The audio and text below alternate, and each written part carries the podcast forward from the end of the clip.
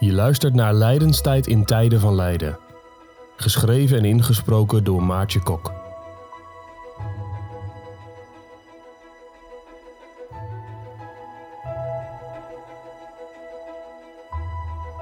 Je zou het bijna vergeten, maar het is lijdenstijd in de traditie van de kerk.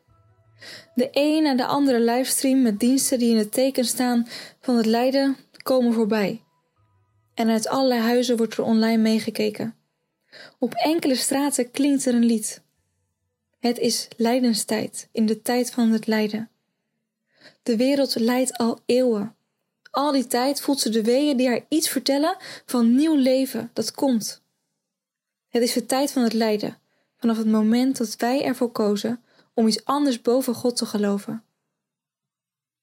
We staan te midden van een wereld waarin het lijden en de sterfelijkheid voelbaar zijn.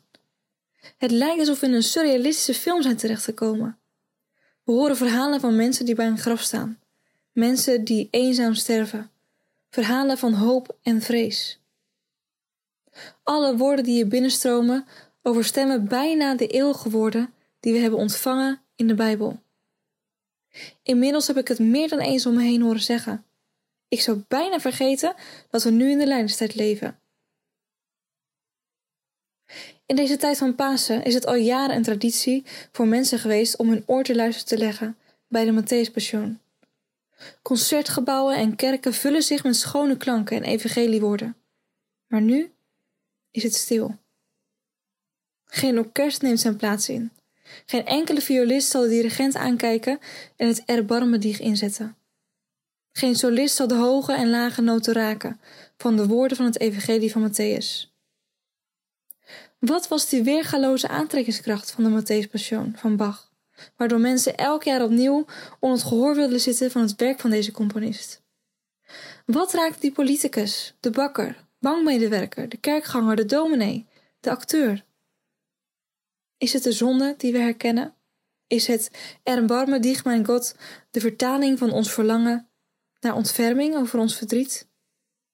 Roept het ons besef wakker dat we troost nodig hebben die verder gaat dan een arm om ons heen.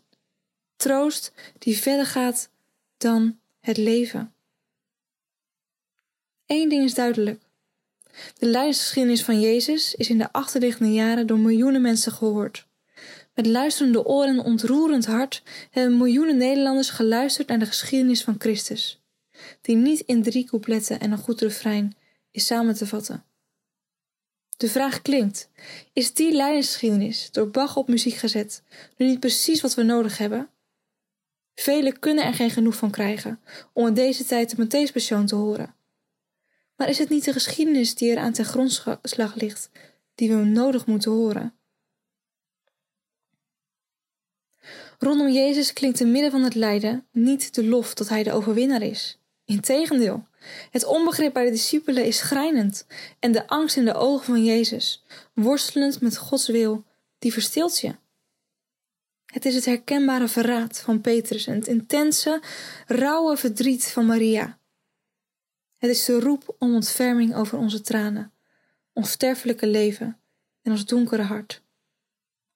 We roepen met de Matthäus mee om ontferming van een Jesaja 53 lam, dat zwijgt.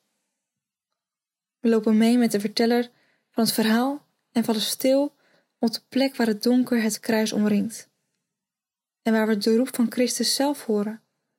Mijn God, mijn God, waarom heeft u mij verlaten? We kijken met de omstanders in het verhaal mee naar het kruis, waar de hoop lijkt te sterven en niemand kan doorgronden wat er werkelijk gebeurt dan Hij alleen. Alleen Hij weet hoe het diepste lijden uitmondt in de grootste triomf. Om terug te komen op de vraag: is deze lijnsgeschiedenis, dit evangelie niet precies wat we nodig hebben? Ja. De grootste acties en triomfantelijkste liederen kunnen ons niet redden. We hebben Jezus nodig. Er is niets wat ons hart meer troosten kan dan wie Hij is en wat Hij doet. En daarom, kom er als het ware bij staan. Kijk naar zijn leven en sterven, overdenk zijn woorden en bewaar het in je hart. De zin, ik zou bijna vergeten dat we nu in de lijdenstijd leven, kan alleen verdreven worden door je Bijbel weer te openen en zijn geschiedenis te lezen. Zoek het evangelie op in deze tijd, te midden van het lijden dat ons al eeuwen overmand. Luister naar de woorden van God, die standvastig en soms fluisterend op de lippen zijn genomen, te midden van pijn, oorlog, angst, onbegrip en nood. Klamp je vast aan het onveranderlijke evangelie en overdenk zijn lijden in de stilte van je kamer.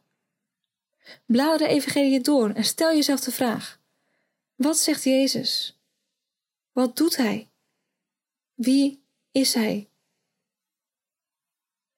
Petrus noemt deze tijd van lijden maar een korte tijd.